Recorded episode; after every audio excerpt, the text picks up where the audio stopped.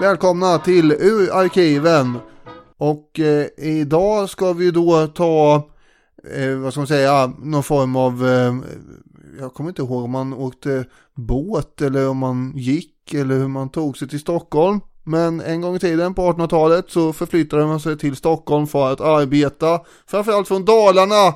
Och därför så kom det en del dalkullor till Stockholm och en av dem var extremt eh, tjusig. Hon var snygg. Ja, vacker. Den vackra Ja. Dalkullan, avsnitt 81, från 2015. Det är en väldigt märklig historia det här.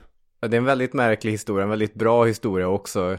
Det här är en sån historia som jag har, jag har dragit på föreläsningar och på när vi i poddens ungdom eh, ombads presentera och så säga något lite kul. Då tog jag ofta fram den vackra dalkullan. Ja, ja, men det är ju, hon väcker alltså väldigt mycket uppståndelse genom sitt blotta eh, utseende. Och det hände ju att eh, det var en grej på 1800-talet ibland att folk eh, stack ut med sina utseenden. Karin Ersdotter hette hon också. Det är ett härligt avsnitt. Kul att få reprisera det. Ja, mycket nöje. Kommer ni ihåg den där hemska James Blunt-låten? Han går omkring på tunnelbanan. Han är hög. Han ser en snygg tjej som råkar le mot honom och landar i en dramatisk slutsats om att de kommer aldrig vara tillsammans. Nej, såklart kommer ni inte vara tillsammans. Du känner ju inte henne. Du kan inte gå omkring hög på tunnelbanan och sen romantisera ihop en episk berättelse bara för att du fick ett leende från en snygg tjej. Va, håller du på med? Det här är jättemärkligt beteende. Varför inleder jag podden med en närläsning av en tio år gammal poplåt? Jo, därför att i november 1833 hade tusentals stockholmare fastnat i en sån där James Blunt-psykos. Det här avsnittet kommer handla om den synnerligen märkliga episoden och den människan som stod i centrum för det. Ciceroner är som vanligt Daniel Hermansson och Robin Olofsson. Det är historiepodden det här. Nu är vi igång.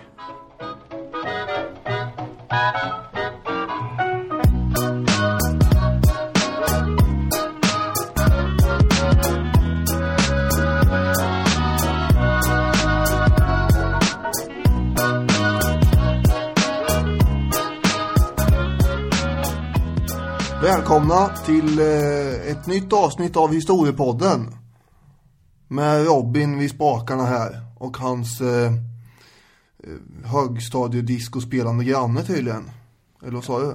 Ja, jag hoppas att det inte går in på bandet. Det är riktigt sån här uh, eurodiscofest i lägenheten under mig. Men det är ju precis den typen av musik som du älskar. Ja, det är min grej. Jag är så otrolig jul, julfantast. Hjulen på bussen de går runt, runt, runt. Då är det dags för det fantastiska hjulet här. Det kan ju sl- sluta och gå hur som helst. Ja, fast i se om- regel så slutar det ju på samma sätt. Det blir ju alltid samma kategori när vi rullar den där. Ja, det har väldigt mycket blivit eh, den här eh, valet och kvalet på sistone. Ja. Vi får se vad som händer nu. Vi har ju sju olika alternativ och här kör vi.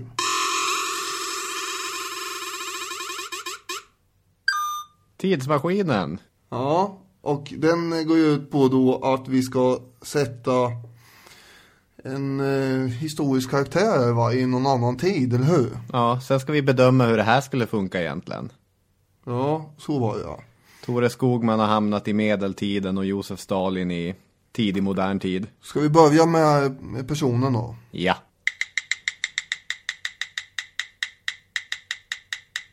Då rullar det på här och personen som vi sätter i någon annan tid är, ja men det här är ju festligt. Povel Ramel blev det den här gången. Ja, det är ganska likt Tore Skogman. Det, det är en ganska mycket bättre variant av Tore Skogman. Men... Nu är det subjektiva åsikter vi ger uttryck för här. Tydligen. Ja, Men- fast det är också åsikter som ganska många skulle hålla med om. Ja, det är mycket möjligt. Eh, och vad kommer han i för tid då? Det kanske blir likrakt. Oj. Oj. 1800-talet. Det är inte en monstruös skillnad direkt. Det är det inte. Povel Ramel på 1800-talet, han hade väl kunnat eh, segla in där och vara lite festlig med sina ordvitsar eh, tillsammans med, ja, ser du inte honom och Strindberg sitta där och gaffla? Jag, Han jag, är ju nästan född på 1800-talet, höll jag säga. Ja, det, det, är, det är ganska nära verkligheten. Kalle Lind har ju en väldigt bra podcast som heter Snedtänkt. De hade ett avsnitt om Povel Ramel för tre, fyra veckor sedan som, som var, var väldigt, väldigt lyssningsbart. Men just med Strindberg så tänker jag att jag är inte säker att de skulle dra jämnt. Jag tror att Povel Ramel är lite för, en för, för festlig och humanistiskt lagd man för Strindberg.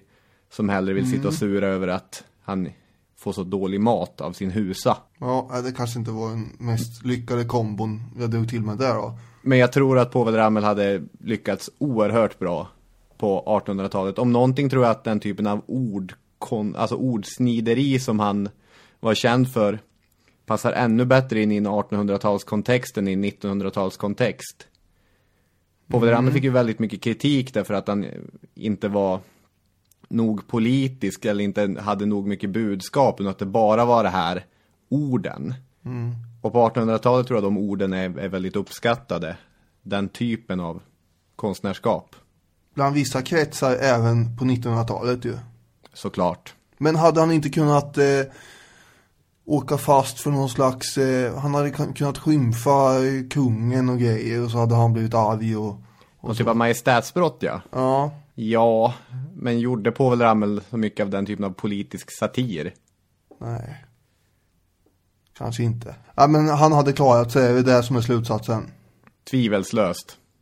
Ja då kör vi på det här och så hoppar vi in i det 1800-talet som vi ska prata om här nu. Ja, just det.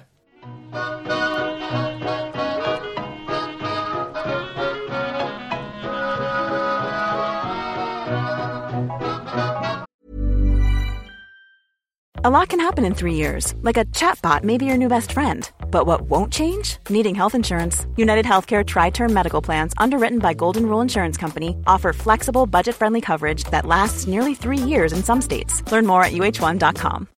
Millions of people have lost weight with personalized plans from Noom, like Evan, who can't stand salads and still lost 50 pounds. Salads, generally, for most people, are the easy button, right? For me, that wasn't an option. I never really was a salad guy. That's just not who I am. But Noom worked for me. Get your personalized plan today at Noom.com. Real Noom user compensated to provide their story. In four weeks, the typical Noom user can expect to lose one to two pounds per week. Individual results may vary. Since 2013, Bombas has donated over 100 million socks, underwear, and t-shirts to those facing homelessness. If we counted those on air, this ad would last over 1,157 days. But if we counted the time it takes to make a donation possible, it would take just a few clicks. Because every time you make a purchase, Bombas donates an item to someone who needs it.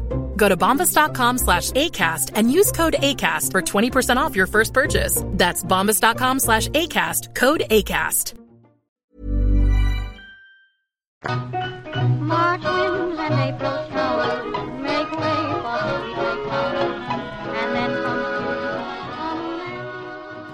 Vad tänker du är det mest intressanta sättet att berätta den här berättelsen? Att man redan från början redogör vad som är uppseendeväckande med Karin Ersdotter, som vi ska tala om. Eller att vi följer hennes liv från Leksand och den lilla byn Djura tills hon kommer till Stockholm. Och då landa i varför hon är uppseendeväckande, varför hon har gått till historiens sidor. Ja, vi gör väl på det senare sättet som du sa.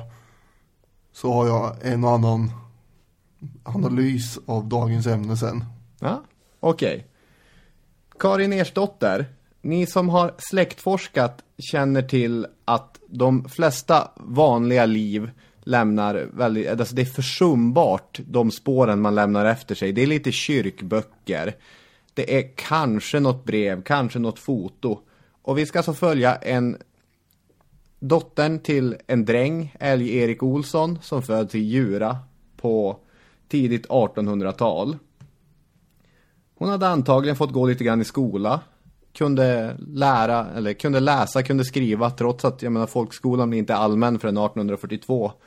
Men i vissa socknar så skötte man det här bra ändå, framförallt i kyrklig regi. I husförhörslängan så skriver prästen att eh, Karin hon kan skriva väl. Och hon kommer hamna i Stockholm.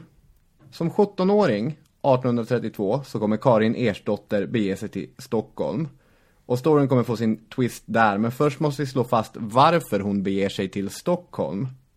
Ja, jag har bland annat till hjälp en, eh, en eh, poet och författare från 1800-talet som heter Wilhelmina Stålberg. Som eh, för övrigt skrev en bok som heter Det går aldrig an. Som svar på din favorit. Karl Jonas Love Almqvist. Just det. Hon höll med honom om att eh, äktenskapet var kanske inte världens bästa påfund. Men eh, hon tyckte, eh, hon levererar ändå en del kritik mot hans bok då som heter Det går an. Ja, det är en bisak men hon skrev en hel del och sådär i alla fall. Och bland annat om den här Karin. Och som sagt, varför skulle den här Karin bege sig till, eh, till eh, Stockholm? Ungefär på samma sätt som en massa ungdomar idag åker till Norge så fort de är färdiga med skolan här. Eh, Ja, det är ju att tjäna pengar helt enkelt och jobba på olika sätt. Och jag kommer ju dra ett annat citat från den här Wilhelmina. Hon, bland annat så har hon skrivit då Nu sedan en hel flottilj av smärre ångbåtar så småningom undanträngt en stora mängd av roddbåtar och vedslupar som förr i alla riktningar korsade varandra på de klarblå sjöar och vikar varav vår sköna huvudstad, Nordens Venedig, överallt är omgivet ser man allt färre dalkullor inom dess murar. Ty det hava nu därstädes högst två inkomstkällor. Förr hörde det däremot till ordningen att dessa, de starkaste, flitigaste, företagsammaste och tarvligaste av svenska allmogens döttrar, kommo med flyttfåglarna om våren och försvunno med dem om hösten. Mest för att till de många förlustelseställena i det gröna och tillbaka till Stockholm igen frakta dess efter frisk luft längtande befolkning på större och mindre båtar som man plägade benämna kullbåtar. Ja, alltså, de åkte ju tydligen mycket båt fram och tillbaka här och visade upp landskapet för folk. Bland annat. Ja, det, är... Men det är ju i Stockholm. Innan ångbåtarna slår igenom så är det ju många så här säsongsarbetare som helt enkelt sköter roddbåtarna. Alltså ansvarar för kollektivtrafiken Ja. i, i Stockholm. Nu skriver hon på 1860-talet när ångbåtarna har slagit igenom. Hon, hon säger det i början att in, Ja. det här är ju innan det så att säga. Det är Anna Götlind, den svenska historieprofessorn i Stockholm som kommer från, från Dalarna för övrigt, eh, skriver om Karin Ersdotter i hennes bok Förbindelser. Och hon skulle nog motsätta sig den här 1860-talssynen att man inte ser dalkullor längre. Att kanske de inte kommer in i, i de här folkdräkterna som de hade gjort under första halvan av 1800-talet. Men hela den här boken Förbindelser resonerar ju om att i alla tider så har kvinnor från Dalarna åkt till Stockholm och arbetat. Men liksom det här herrarbetet, säsongsarbetet som till exempel Karin Ersdotter håller på med ersätts av kontorsarbete, ersätts av andra typer av kvinnoarbeten. Ja, det är mycket möjligt. Men hon säger ju, hon, hon menar väl att de inte syns på samma sätt helt enkelt. Och så, så var det nog. Alltså, alla som har läst Per Anders Fogelströms stadserie känner väl till hur 15-åriga Henning vandrar in i Stockholm utan pengar på fickan i jakt efter ett arbete. Svenska bönder har ju nästan i alla tider haft svårt att livnära sig enbart på, på jordbruket. Så man har ju letat bisysslor, man har stått i kolmilerna, man har hjälpt till på olika sätt. Och i Dalarna var det vanligt att man tog sitt pick och pack, vandrade in till Stockholm och sökte herrarbete, alltså arbete åt herrskapsfolk. Och det här är belagt i källorna ända sedan 1600-talet, men från tidigt 1800-tal så blir Mälardalen och Stockholm Dalaböndernas liksom, go-to place för att fixa arbete. Och då hamnar hon på ett ställe där hon ska börja eh, bygga hus, eller? Hur? Jo, därför att till skillnad från Henning i Per Anders Fogelströms bok då, så får ju Karin Ersdotter jobb direkt hon anländer till Stockholm. Det är ju nämligen så att det pågår ett stort husbygge på Brunkebergstorget, ett större stenhus som brukspatron J.G. Dybeck har beställt.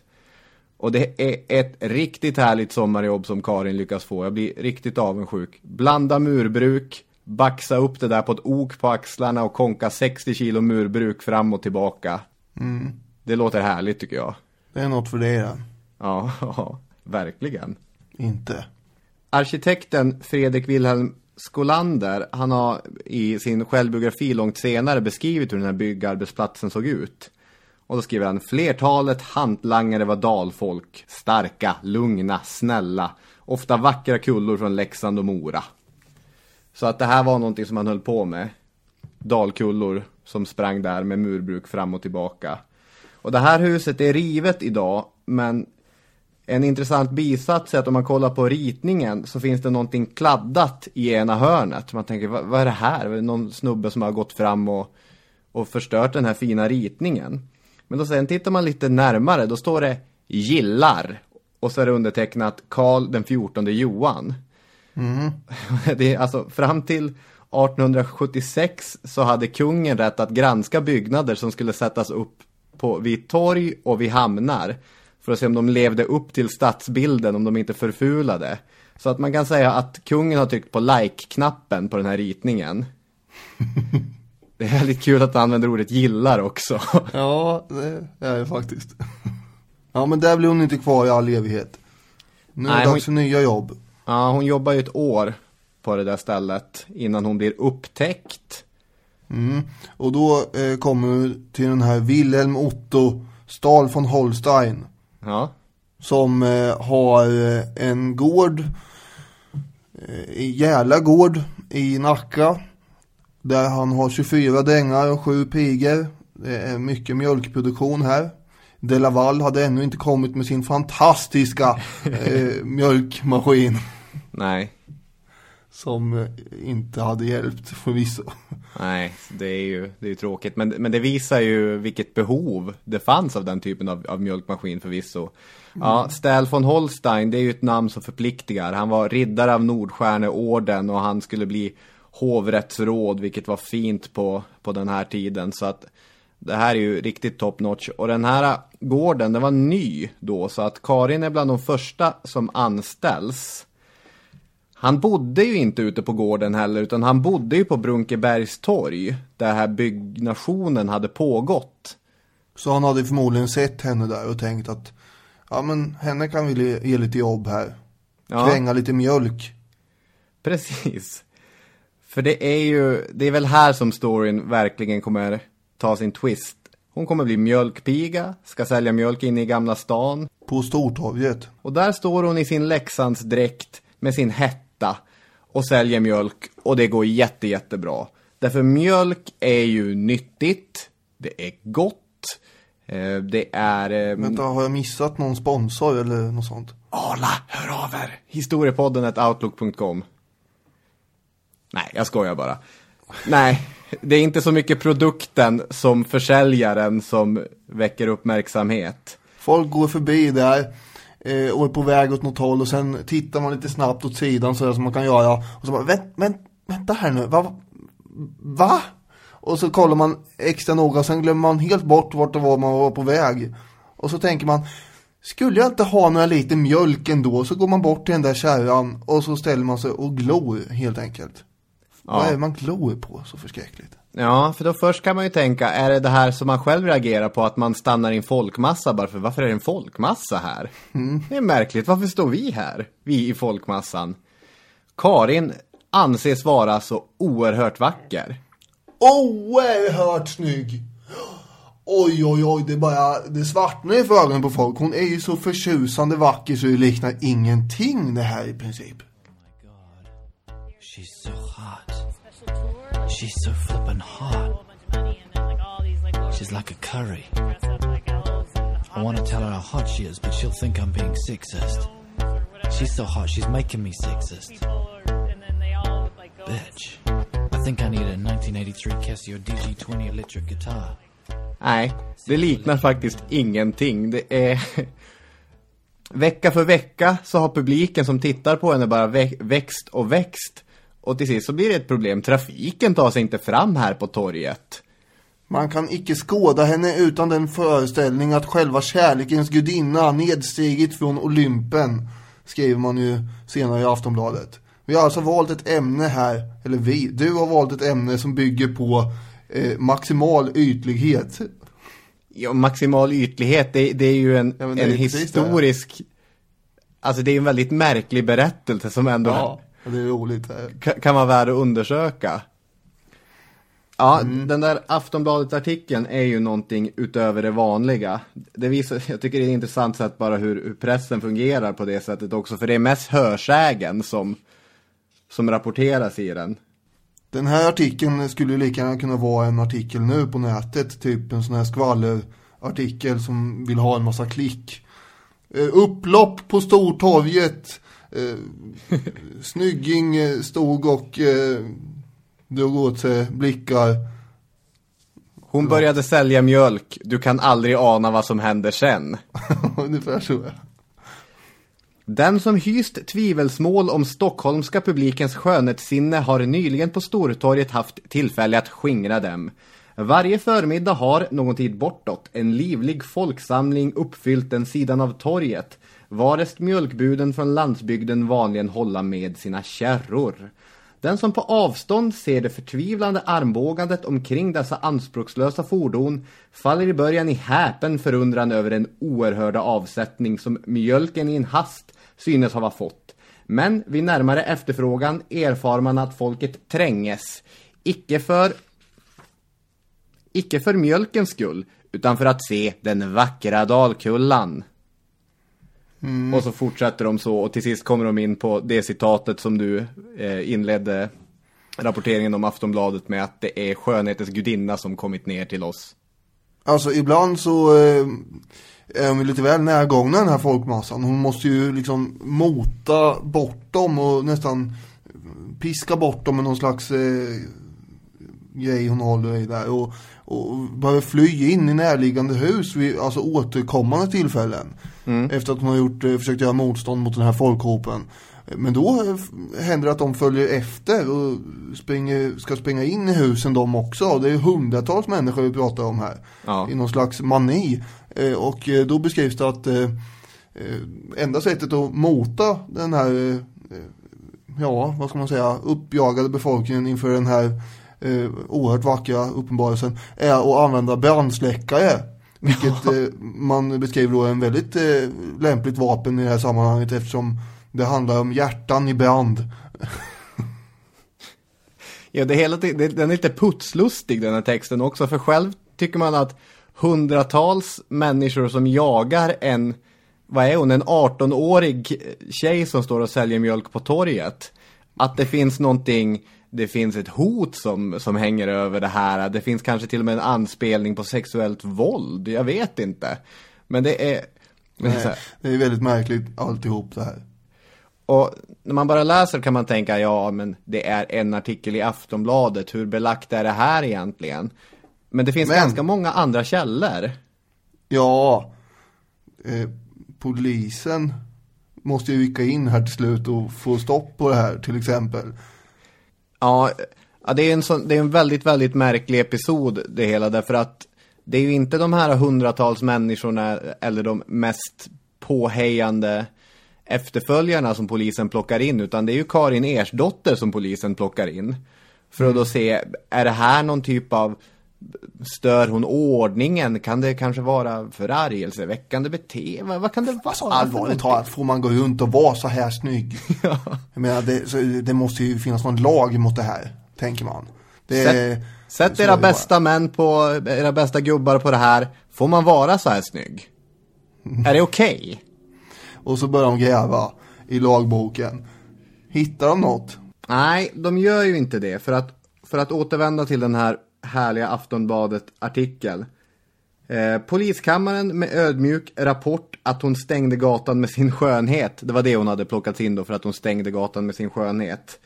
Eh, de har sagt att om en, en och annan sägas böra plikta för ful uppsyn är det dock ingen förment att vara så vacker som möjligt. Det borde alltså vara olagligt att gå runt och vara ful. Men att vara snygg, det kan inte gärna vara. inte, inte vara ett brott liksom.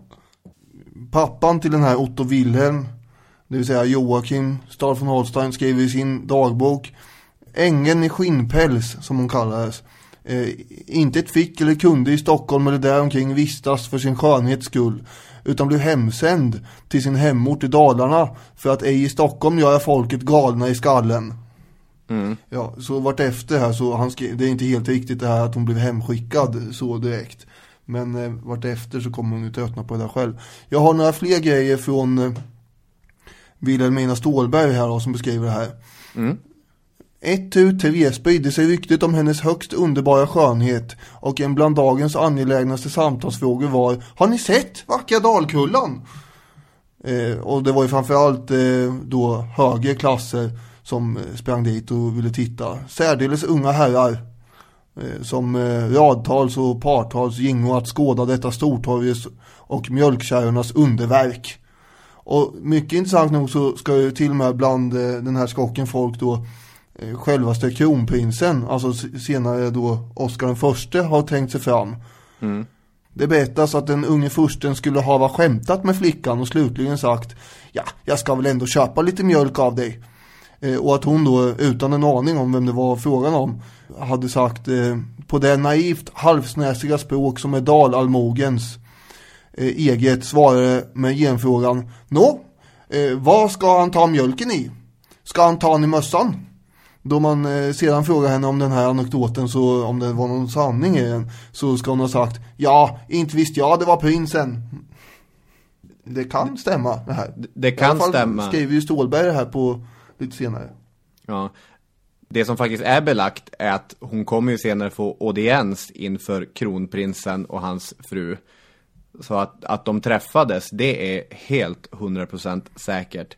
Därför att det är inte möjligt för Karin att fortsätta den här existensen som, som mjölkpiga. Men hennes stigande rykte har ju gett henne nya möjligheter till försörjning.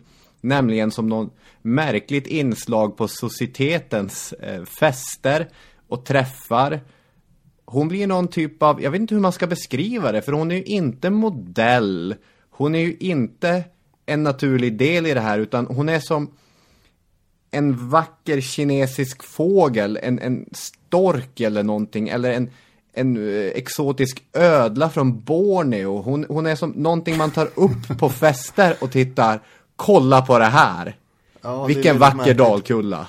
Hon eh, blir ju hämtad av en massa eh, folk som har hyrt in henne då. Så får hon åka vagn mellan olika hem helt enkelt och visas upp ju.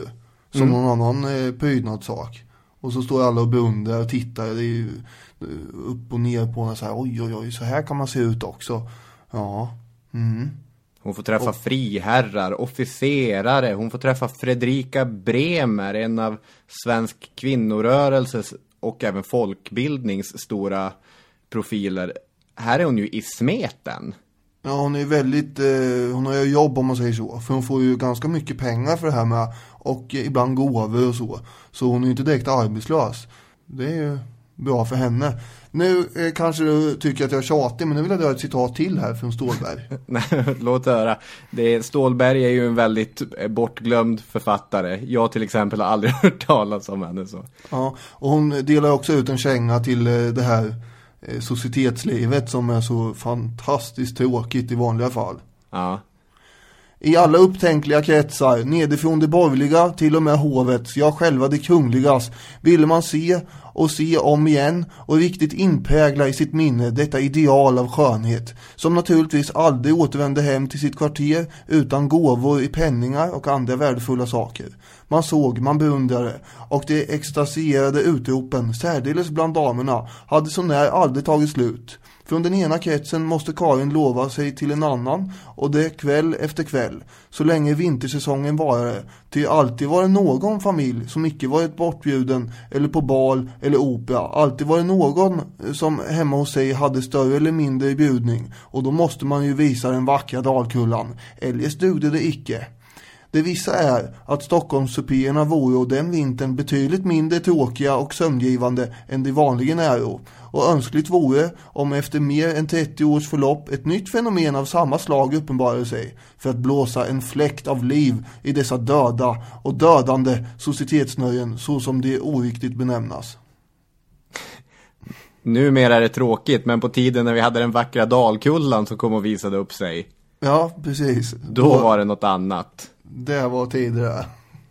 Konstnärerna dras ju till henne också. Hon är ju avbildad i ett flertal både skisser och riktiga målningar. Till exempel av en ung konstnär som heter Erik Wahlbergsson. Han målade av henne flera gånger och jag tror att någon av hans bilder är den ikon ni kan gå in på Facebook och titta på.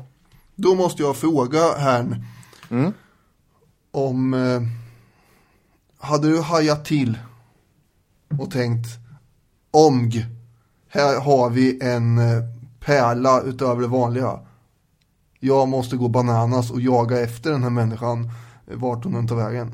Nej, det är, nu kommer jag svara på det här på ett kanske omständigt sätt, men det var ju en, Ja, det var en ja. lyssnare som, som skickade mail till oss angående min upplevelse med, med Nefertiti-bysten. Ja, just det. Eh, att han hade inte alls känt till hennes berättelse, men det hade varit det starkaste museiupplevelse han någonsin hade varit med om.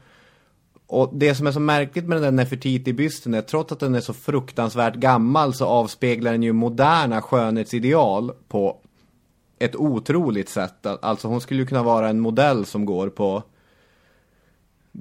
Ja, på, på vad heter det? The, the Catwalk heter det. Men Karin Ersdotter, när man ser de här bilderna på henne Det ligger ju ganska långt ifrån de idealen som man själv har blivit präglad av. Jag ser inte vad de såg. Nej. Okej. Jag tänker mig att eh, det måste vara ihopkopplat med någon slags Alltså det måste ju ha funnits eh, andra eh, snyggingar i Stockholm om man säger så. Och att hon blir så upphåsad kanske beror på någon slags exotiskt inslag att hon, hon pratar eh, på sitt sätt med dalmål och sen har hon det här, eh, den här, de här dräkterna och så på sig. Ja. Kan man tänka sig att det har något med saken att göra? Jag tror absolut att det har med saker att göra. När jag pitchade det här ämnet för dig så, så föreslog jag ju att man kanske till och med kan koppla det till, till den här äh, stundande svenska nationalromantiken. Det ligger ju egentligen lite tidigt. Nationalromantiken brukar man ju framförallt koppla till, till sent svenskt 1800-tal. Men jag tänker på 1830-talet som det här utspelar sig. Till exempel Johan Gustav Sandberg. Han målar ju det här Vasakoret i Uppsala domkyrka. Där, där Gustav Vasa blir en blond vacker yngling. Och, och, och det är ju någon, någon typ av nationalromantik. Och bortsett från det här historievurmandet så handlade ju nationalromantiken också om man tyckte det var lite obehagligt att Sverige höll på att förändras. Så man letade efter bara någon sorts ideal av vad är det sanna Sverige? Vad är allmogen? Vad är bondesverige? Och där kan jag tänka mig att hon blev som en änglalik variant av det här. Här hade vi det förkroppsligat. Ja, men nu är det mycket teori här. Är det inte så att det bara är en enda konstig masspsykos också? Ja, så kan det vara. sätt.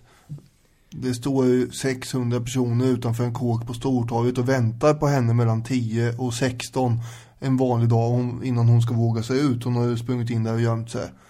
Vilken kändis idag leder till sådana reaktioner egentligen? Justin Alltså, man- Bieber. Ja, jag tänkte säga det. Man tänker snarare på eh, tjejer i yngre tonåren som är på en konsert framför Justin Bieber än vuxna människor på ett torg under 1800-talet. Ja. Här. Ja.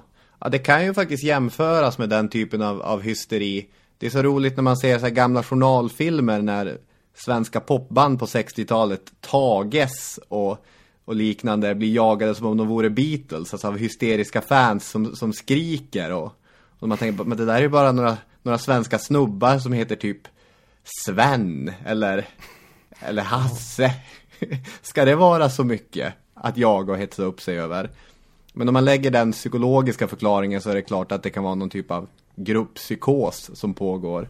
Hon eh, jämförs, alltså det här går ju utanför Sveriges gränser också. Det är en engelsman där bland annat som jämför henne med eh, den beryktade segelsömmardottern i Liverpool. Som tydligen är en av tre Europas eh, mest vackra eh, damer. Och sen är hon, hon är ju även i klass med den sköna Mariana från Hamburg. Det är de tre liksom. Sköna Mariana från Hamburg, segelsömmardottern i Liverpool och Karin från Dalarna. Just det. det, det är Europas topp tre i det här Tyska tillfället. tidningar skriver om det här också. Ja, det rapporteras i en av Berlins tidningar, ja. För hon är ju inte i Stockholm så väldigt länge. I maj 1834 så åker hon ju tillbaka till Djura, till Leksand. Efter Först- det sist... Har ni passerat Västerås där hon också orsakat eh, att halva stan eh, vill sena och det blir en massa ja, Ja, alltså hennes avfärd är ju någonting utöver det vanliga. Först har hon sin audiens hos kronprinsen, alltså hos Oscar och, och, och Josefina. Så sen blir hon eskorterad till ångfartyget av en av Stockholms riksdagsmän. Och en folksamling. Och sen när hon kommer till Västerås, där står det också en folksamling. Bara, Nu kommer hon, nu kommer hon. Jag fattar inte ens hur man samordnar det här. Det är inte som att man kan läsa på Det är Twitter. helt bisarrt det här Robin. Har du grävt upp den här storyn? Ja, det kan man fråga sig.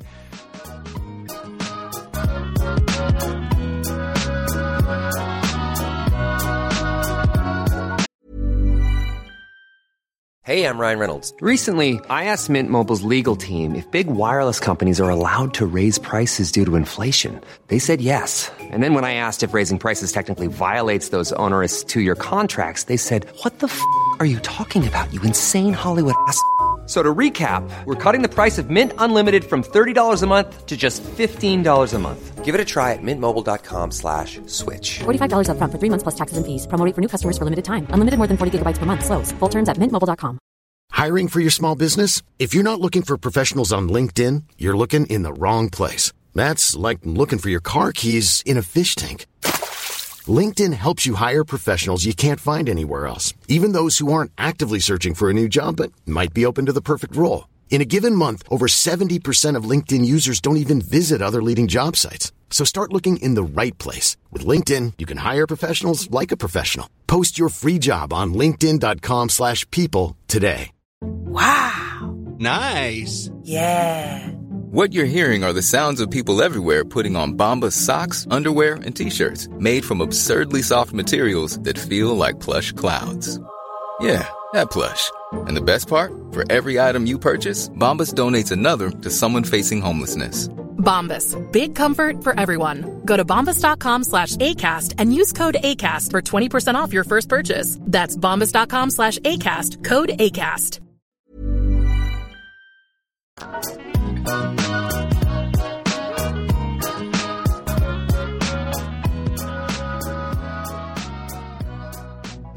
Men det tar inte ens slut där, för vissa människor de sätter sig i väggarna även efter de har gått. Man kan känna, känna att oj, det var någon person i den här lägenheten för en vecka sedan. Jag tycker lägenheten känns lite annorlunda. Och det där ah, gamla stan, stenarna tycks vibrera någonting och de här salongerna.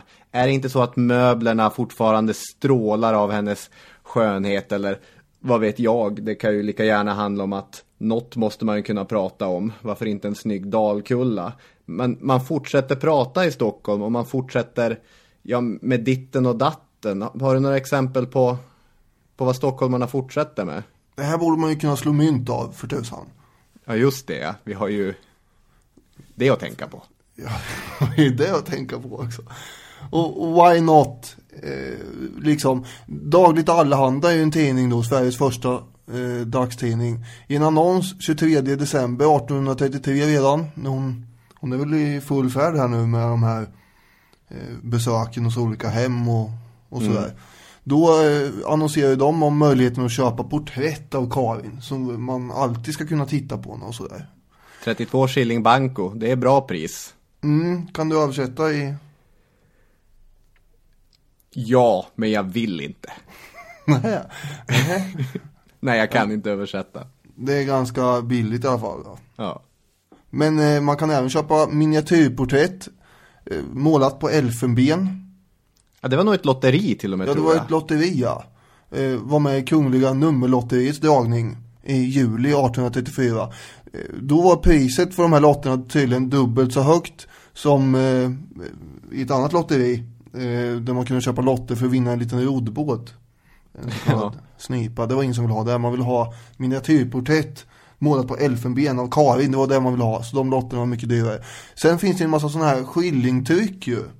Ja. Eh, väldigt billiga, ännu billigare än, än det här andra vi pratade om.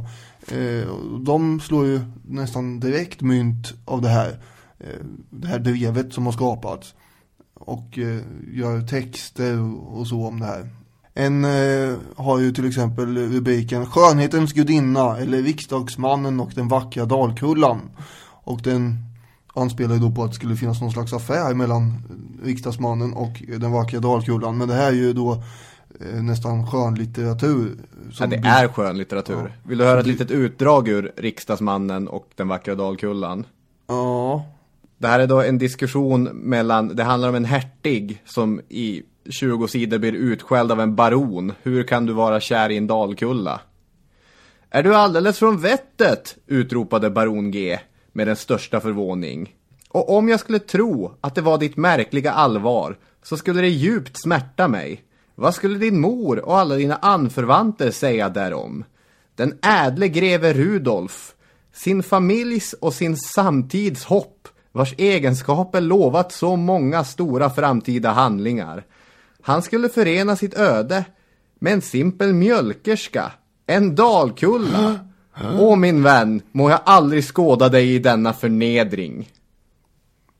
Ja, herregud. Det är ganska påfrestande litteratur det här. Men det är lite smaskigt då ska man tänka sig den här förbjudna kärleksaffären. Mm. Ett annat sånt där skillingtryck handlar ju om några av tidens stora händelser. Då tar de upp Karin, den vackra dalkullan, koleran och kapten Anders Lindeberg som då har dömts till döden för ett majestätsbrott. Uppmanats att söka nåd, vägrat söka nåd och på den vägen tvingat fram en allmän amnesti för politiska fångar. Så att, Undrar om eh, Povel Ramel hade slunkit ur där med den där amnestin. Eller hur var det nu? Ja. Han hade väl gjort det. Bara, äntligen. Det ska han ha kaptenen att tacka för. Men det här är ju alltså kolera och majestätsbrott. De är ganska högt uppe på, på skalan. Och där har vi Karin också. Det är de tre stora grejerna. Men grejen är ju att när hon åkte till Stockholm så hade hon ju en fästman där hemma i Dalarna. Och nu ska hon ju hem igen. Och vad ska de där hemma tänka om all uppståndelse och spektakel som det kallas. Som hon har ställt till med i, i huvudstaden.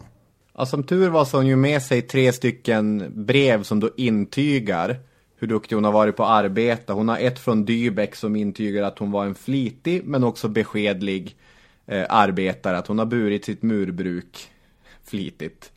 Sen har hon ett från Otto Wilhelm Stel von Holstein som intygar att hon har arbetat väl men att citat en beundran som nära nog övergått till löjlig ursinnighet har drabbat stockholmarna. Tyckte Ja. han väl var lite jobbigt då. Men hon har ju, det tredje brevet är ju ännu märkligare. Därför att där så får man veta att hon har skött sina arbeten, hon är exemplarisk på alla sätt och vis. Och så är det undertecknat av 34 medlemmar ur Stockholms societet. Mm, det är inte vilka som helst här som har skrivit på. Nej, det är det finaste tänkbara.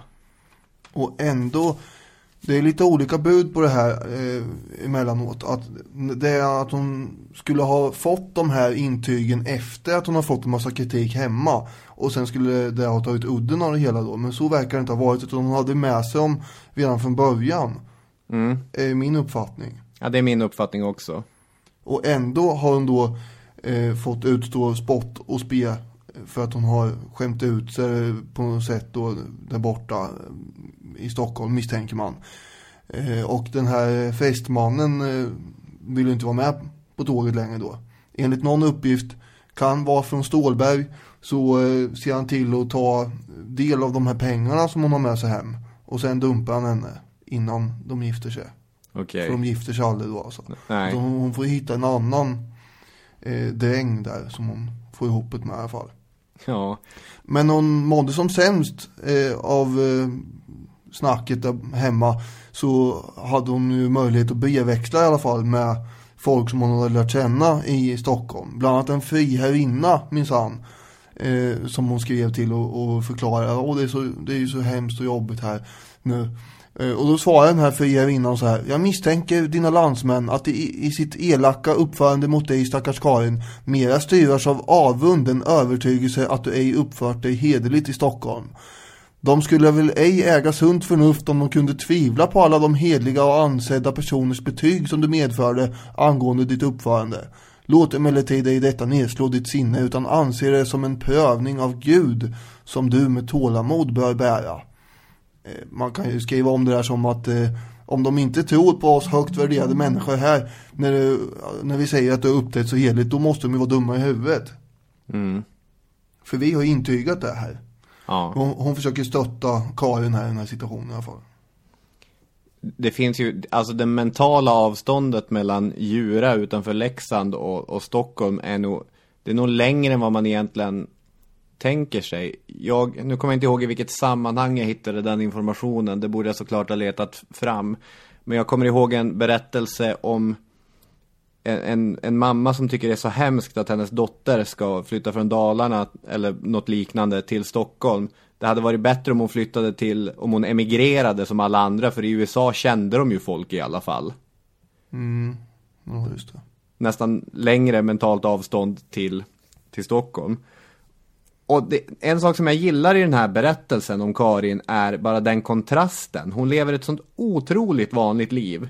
17 år i, i Leksand. Och så sen de här två helt knasiga åren i Stockholm. Där hon... Och sen, och sen tillbaka. Ja, precis. Och sen tillbaka. Och det är ingen som är imponerad av det. Nej. Jaha. I, I Leksand så kan de inte fatta eh, vad det är för speciellt med henne. Beskrivs Nej. det. Det här är en helt vanlig, en helt vanlig person. Dotter till en dräng, kommer bli fru till en dräng, kommer föda sex barn och, och leva ett normalt liv, peta i jorden, försöka få upp någon potatis och så sen 1885 plocka ner skylten. Och kontrasten är då att i Stockholm så uppfattas hon så här. Vacker är ej rätta uttrycket här. Ty flickan var verkligen mer än vacker. Hon var utomordentligt skön. Ja, så skön att få personer tyckt sig någonsin hava sett hennes like. Så skön som det mest idealiska porträtt någonsin kan vara. Som den mest eldiga fantasi kan beskriva eller avmålas. Hon var liten, späd och fin, med små händer och fötter, således icke alls liknande dessa vanliga arbetets och fattigdomens döttrar från den bergiga dalprovinsen, vilka grovlämmade och bastanta, med runda ansikten, röda kinder och yppigt svällande former, vittnande om hälsa och livfullhet, årligen vandra från den fattiga hembygden, som ej mäktar livnära dem, bort till andra trakter av riket, att med tungt arbete förtjäna sitt livsuppehälle. Ja, nu babblar jag på mycket med citat här, men där fick Ja, men det var ett en, bra citat. en bild till. Att hon är, ja, det är en väldig kontrast som sagt. Ja, och det visar sig också att det är så svårt att förhålla sig till hur de egentligen uppfattar den, för oavsett vad det beror på så är hon ju som en projektionsyta. Man får aldrig höra vad hon säger, man får aldrig höra hur hon upplever det här, utan man får bara veta vad alla andra lägger på henne. Den här skillingtygtexten, Vackra Dalkullan, beskriver ju inte heller henne särskilt mycket. Man bara förväntar sig att läsaren ska veta vem hon är i princip. Ja. Och då pratas det om eh, att eh, med ett vackert ansikte och behagsjuka så klarar sig kvinnan alldeles utmärkt. Man lägger på liksom en generell ton här och säger att med det så kan kvinnan fängsla mannen minsann och, och det här med förståndsbildning, bah, det behövs inte, ska då en fru Pompadour, från, det, är väl, det är väl hon Pompadour för 1700-talet misstänker jag, eh, har sagt. Ängel är ett begrepp som ofta används om henne. Det finns ju, vad jag känner till, en till berättelse då när två stycken Uppsala studenter några år senare gör en fotvandring i Mellansverige.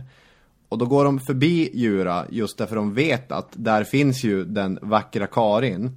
Och I den här reseskildringen så skriver de Efter sin återkomst från Stockholm, där hennes vandel varit oförtvivelig, har hon varit föremål för de övriga kullornas avundsjuka. Detta fula drag i svenska nationallynnet förnekar sig således ej här en gång. Har förlorat sin fästeman, men fått en ny och är nu snart i begrepp att gifta sig. Hon språkade länge och glädligt med oss, men snart bortkallades hon av sitt arbete. Tiden manade oss att skynda och vi nödgades taga avsked från den skönaste av Dalarnas blommor. Mm. Så de var fortfarande imponerade av henne. Där slutar väl berättelsen om Karin Ersdotter. Ja. Och hur ska man avrunda avsnittet? ja, hur ska man avrunda det här avsnittet? Det är du som har hostat upp den här, eh, det här ämnet. Alltså det här är ju bara en, eh, en ögonblicksbild från 1830-talet och en eh, historia i det lilla där folk uppenbarligen drabbas av någon slags psykotisk mani nästan över hennes uppenbarelse här. Ja. Den är ju den är ju ganska ytlig ändå tycker jag. Men den är ju spännande. Hon har inte gjort någonting för att förtjäna den här uppmärksamheten. Men det finns ju många människor som får uppmärksamhet kanske utan att ha gjort någonting egentligen. Särskilt Ja. i våra tider, känner jag. Ja, de kanske har någonting att lära av Karin, jag vet inte riktigt. Men jag tycker det är ett intressant öde och det är, det är en berättelse som sen jag hörde den första gången så, så har den stannat hos mig. Ja, du sa ju att eh, till skillnad från mitt ämne förra veckan som var ett eh, vägskäl i historien så har det här ingen som helst påverkan på historien. Men det kanske var lite, ja, nej, det har det väl inte egentligen, eller? Det beror på vilken historia vi pratar om. Ja, det var, det, det var dina ord. Ja, men jag, jag har tänkt lite grann på det här, ibland en sorts kritik som riktar mot, mot vissa fotbollstränare, till exempel David Moyes när han tog över Manchester United var att han är för reaktiv för, för att coacha ett storlag. Att istället för att säga nu är det jag som bestämmer vi ska göra så här så väntar han, vad gör motståndaren, hur ska jag svara på det? Och ibland känner jag mig som en väldigt reaktiv poddare. Att det är vad jag vill prata om och mitt ämnesval styrs helt och hållet av vad du ville prata om förra veckan. Mm. Oj, oj, oj, stor politisk historia. Nu ska vi prata om en vacker dalkulla. Ja, men det tycker jag är bra att man blandar och ger lite. Jag känner ju också så ibland att man vill eh, att man ska vara en bit ifrån det föregående ämnet för att blanda upp det. Och det är också mycket vad man känner för för tillfället. Att man vill välja. Och nu var du inne på, på det här då. Och det är, Mm. jag tycker det var väldigt intressant att få dyka ner i, i det här också. Det hoppas vi att ni också tyckte då. Och så tackar vi så mycket för den här gången. Hör av er. Hashtag hispodd på vilket socialt medie som helst. De flesta funkar. Historiepodden at outlook.com funkar med. Mm. Och vår Facebook-sida. Ja, ha en eh, bra vecka så hörs vi. Hej med er! Hej hej!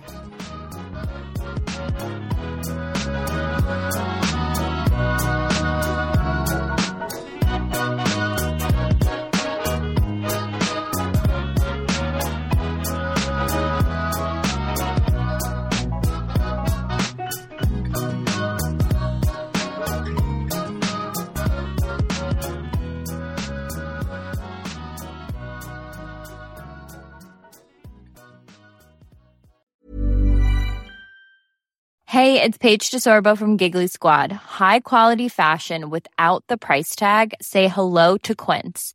I'm snagging high-end essentials like cozy cashmere sweaters, sleek leather jackets, fine jewelry, and so much more. With Quince being 50 to 80% less than similar brands. And they partner with factories that prioritize safe, ethical, and responsible manufacturing. I love that. Luxury quality within reach. Go to quince.com slash style to get free shipping and 365 day returns on your next order. Quince.com slash style.